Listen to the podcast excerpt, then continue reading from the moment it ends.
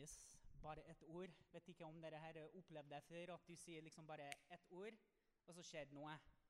Eh, Det pleier ikke å gå i huset mitt, i hvert fall. Jeg må si ting eh, flere ganger.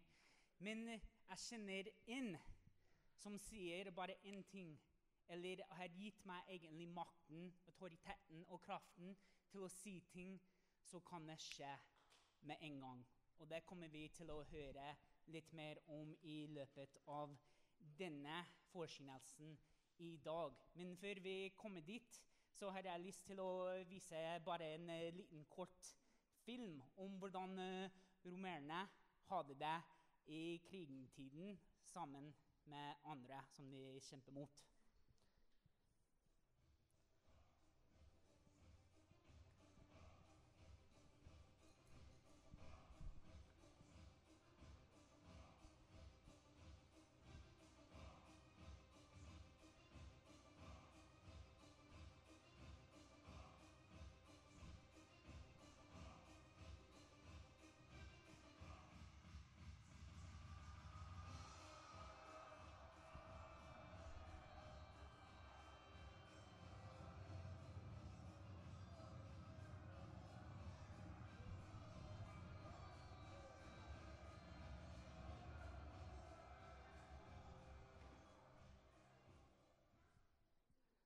Sånn var det egentlig. Kanskje ikke med Lego, men med ordentlig menneske. Eh, Det var ikke noe enkelt eller eh, lett liv, kan man si. Eh, Vanligvis skulle romerske soldatene reise langt av gårde for å komme til et annet land og krige, og så ta dem over det landet der. De hadde ikke tilgang til medisin eller sykehus eh, eller noen andre hjelpemidler eh, som vi har egentlig tilgang eh, til i Norge i dag. De hadde faktisk eh, tjenere som eh, skulle hjelpe dem få til nesten alt mulig du kan eh, tenke på. Så hadde de eh, tjenere som skulle hjelpe dem med det.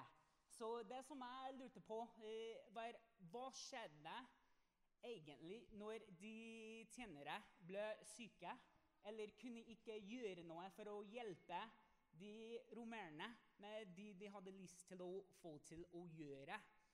Og man må virkelig tenke på det, eh, fordi de bodde i en helt annen tid. De kunne ikke bare ringe sykehuset eller ambulanse og, må, og be om å få hjelp. Eller de kunne ikke bare hoppe inn i bilen og så kjøre dem mot hjelpen. Så de må bli avhengig av noe større enn bare seg selv.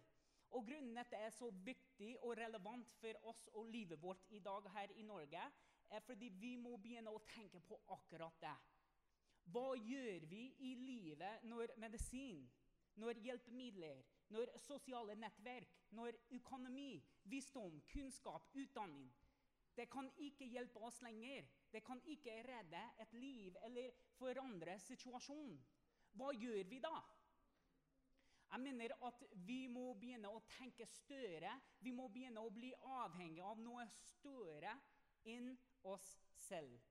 Og Det vi skal lese om i dag, kommer fra Matteus evangeliet, og det forteller faktisk om eh, en romersk offiser. Det vil si at han var en leder for en gjeng av soldater, og han hadde en tjener som ble virkelig syk.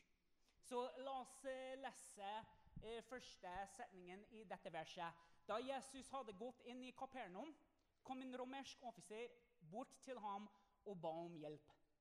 Herre, tjeneren min ligger lam hjemme og har fryktelige plager, forklarte han.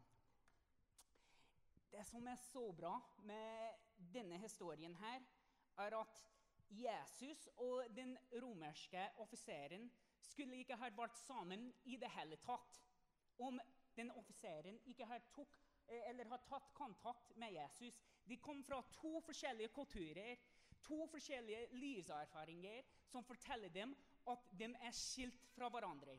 De skal ikke leve liv sammen i det hele tatt. Så eh, Jesus han får et spørsmål av den romerske offiseren her. Han kommer bort til Jesus, Jesus tar imot ham, begynner å engasjere ham i samtalen. Så kommer spørsmålet. Skal jeg bli med og helbrede han? spurte Jesus. Det er egentlig ikke romerske soldaten som spør om å få hjelp. Han kommer til Jesus, legger frem situasjonen. Og så det er Jesus som griper inn i samtalen og sier, 'Men skal jeg bli med deg hjem?'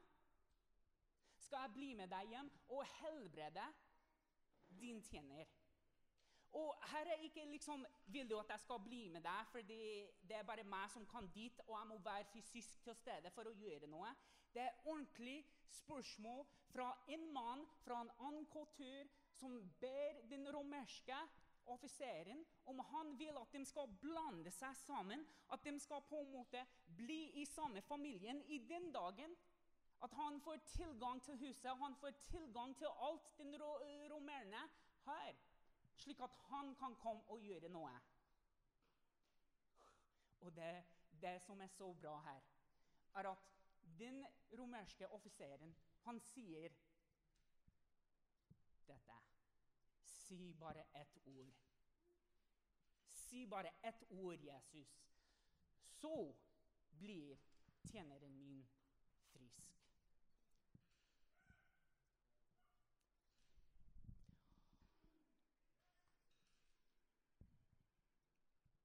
Offiseren har sannsynligvis hørt om Jesus. Han skjønner at Jesus har kraften til å forvandle situasjonen og redde livet av tjeneren. Og ikke bare en tjener, men en venn, kollega. Tjenere var ikke, de var laveste av de lave, men samtidig hadde en veldig viktig rolle i Forsvaret. Så det var ikke liksom, jeg kan bare kaste ham bort og få, få en til. Han virkelig hadde behov for den mannen. Så kom han til Jesus, spør han, kan du helbrede den personen. Jesus sier, 'Vil du at jeg skal bli med deg hjem?' Nei, bare et ord fra deg kan forvandle situasjonen.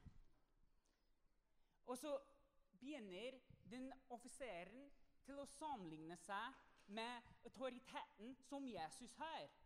Han vet hvordan autoriteten skal bevises, hvordan det virker. Så han sier, 'Jeg vet det'. For jeg selv eh, overordnet offiser som gir meg befaling, og jeg har andre soldater som står under meg. Dersom jeg sier til en av dem 'gå', så går han. Til en annen 'kom', så kommer han. Og dersom jeg sier til tjenerne mine 'gjør dette', eller 'hint', så gjør de det. Jesus ble svart forbauset og vendte seg mot de som fulgte han og sa, 'Jeg forsikrer dere' at jeg har ikke sett en så sterk tro hos noen blant Israels folk. Jeg sier dere at mange, lik denne romerske offiseren, skal komme fra jordens tallrike land og bli innbudt sammen med Abraham, Isak og Jakob til festen i Guds nye verden. Men mange israelitter, som burde ha vært med blant dem som får være Guds eget folk, skal bli kastet ut i mørket der skal de gråte av angst og fortvilelse.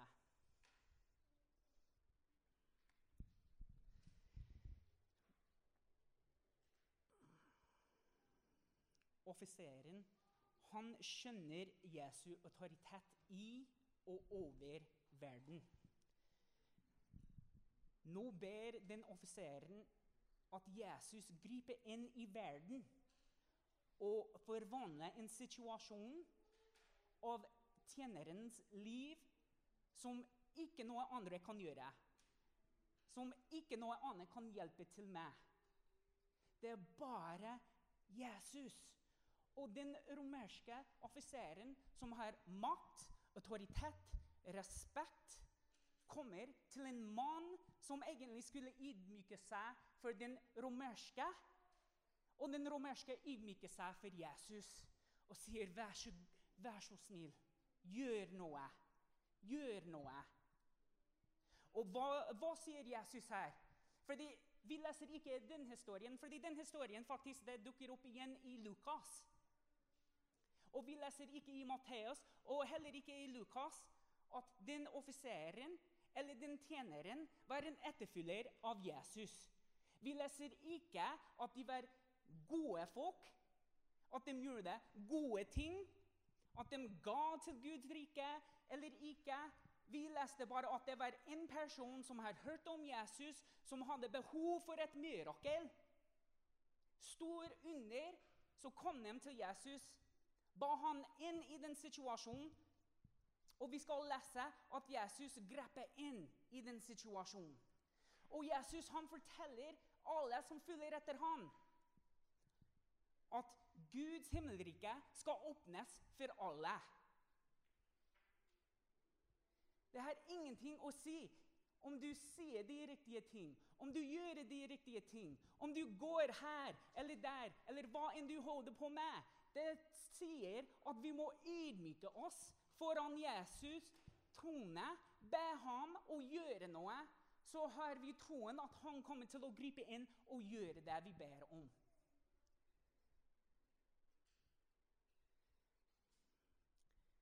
Så til slutt sier Jesus akkurat det mannen har kommet for å høre. Gå hjem. Han sier til den romerske offiseren, gå hjem. Det skal bli slik som du tror det. Og i det samme øyeblikket ble tjeneren frisk.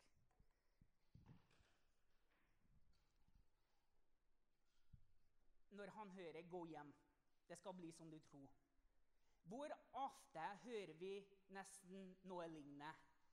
Når du ber, så blir det sånn. Hva, hva tror du den mannen som kanskje ikke trodde på Gud, eller sikkert en helt annen Gud enn hva Jesus eh, var, trodde når han hørte det? Vi får se. Vi skal se om Gud skal gjøre noe.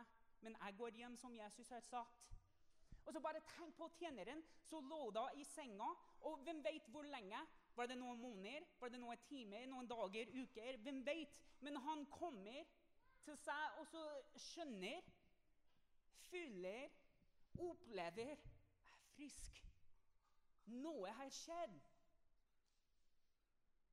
Vi blir så vant til at vi må være fysisk til stede og be for folk for å se at Guds under finner sted og skjer og foregår og alt mulig. Men den historien forteller oss, og akkurat som Kirsti forsynte i forrige søndag, at vi har fått Den hellige ånd. Vi har fått den autoriteten. Vi har fått Guds kraft inn i livet vårt. Hvor vi kan bare si et ord. Si et ord til din familie. Si et ord til din ektefelle. Si et ord til din nabo, din kollega. Guds ord. Hva er det Gud snakker inn i livet ditt nå? Fordi det er noe som du trenger å høre. Og om det ikke for deg, så er det noe noen andre trenger å høre. Og du sliter med økonomien. Så bra, vi ber for deg akkurat nå. Jeg kan ikke fortelle dere hvor mange ganger i mitt tidlige liv når jeg ble kristen, at det var folk som fortalte meg noe, så sa jeg jeg skal be for deg. Så gikk jeg bort fra den samtalen uten å be i det hele tatt. Når det bare ærlig sagt.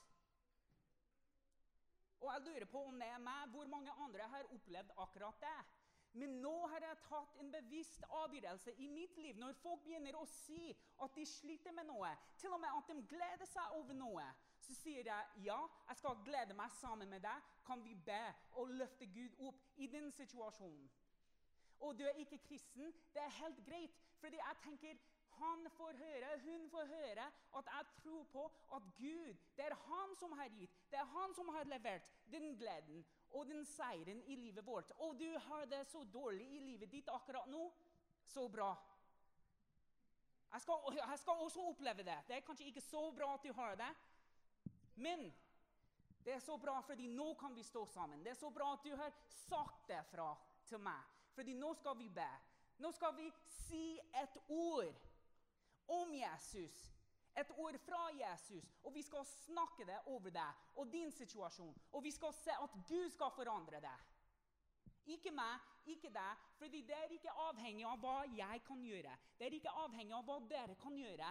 Jesus forteller oss akkurat her fra korset, fra oppstandelsen og fylt med Den hellige ånd, at det er ikke om oss. Det er alt om Gud, og alt han gjør, og alt han har gjort, og alt han kommer til å gjøre i livet vårt. Vi fortjener ikke den nåden som Jesus viste den romerske offiseren og den tjeneren akkurat den dagen. Men det er så bra med nåden at selv om vi ikke fortjener det, så får vi ta imot det uansett. Og det bringer med seg helbredelse. Det bringer med seg Guds store undringer. Det fornyer oss. Det gir oss et håp. Jeg vet ikke om dere, men noen ganger Og ikke misforstå meg. Noen ganger kan jeg bli litt lei av å slå opp inn Bibelen og så bare lese om Guds mirakler og under. At jeg må liksom se tilbake tusenårvis for å se at Guds mirakler var til stede. Jeg vil se nå, i min generasjon, nå, i min tid, nå, i min familie, nå, i min kirke, at Guds store under finner sin plass her og nå. Nå er det tid å be Gud inn i livet vårt. Nå er det tid å be Gud inn i landet vårt, inn i skolene våre, inn i familiene våre. Inn i menigheten vår. Og derfor skal vi ta et par minutter. Og la oss virkelig tenke på hvor i livet det er at vi har behov for Guds under. Virkelig tenk på det. Fordi vi kommer til å be de neste få minuttene at Jesu autoritet kommer i og over hvilken som helst situasjon. Relasjoner, økonomi, familie, jobb, menighet, Guds mirakler, helse, kroppen, mentalsk, fysisk, sjelen. Vi vil se at Den hellige ånd beveger seg med sin kraft i livet vårt, i livene av de vi kjenner. Vi vil se at Den hellige ånd sin kraft beveger seg i vår nasjon. I vår myndighet, våre skoler. Og vi vil se til slutt at Den hellige ånd sin kraft beveger seg i vår lokale menighet.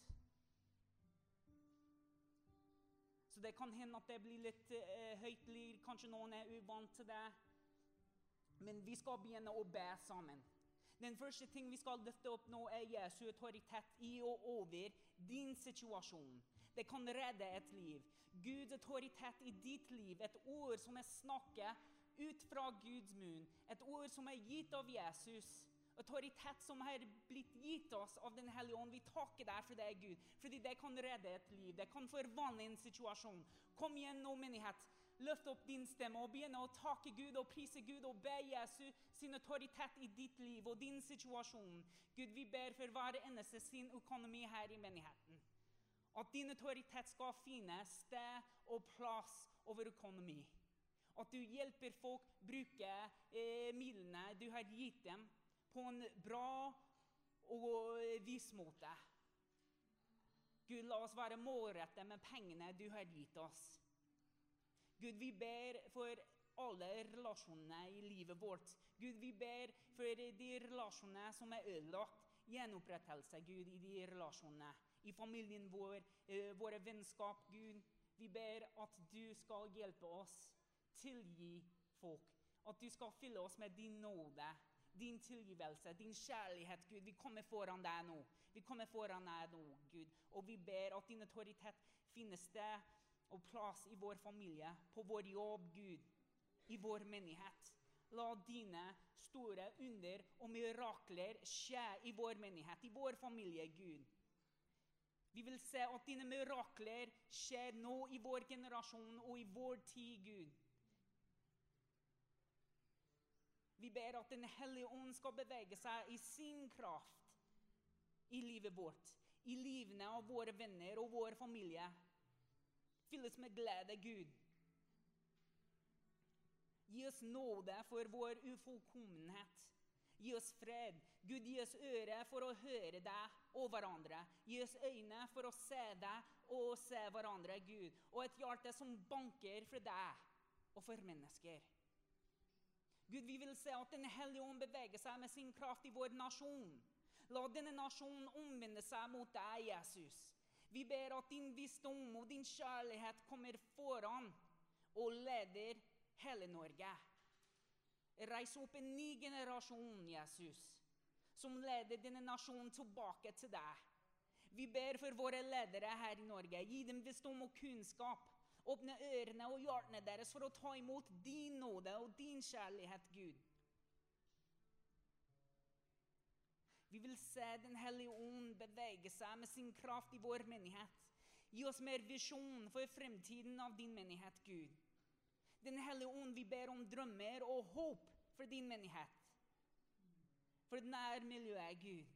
Vi ber at du gjør mirakler i og gjennom din menighet. La dine gaver bli utøst over oss. La oss bruke gavene du har gitt oss, for å vise verden at du er en Gud som er nær, og at bare, bare et ord fra deg, Jesus, kan forvandle alt.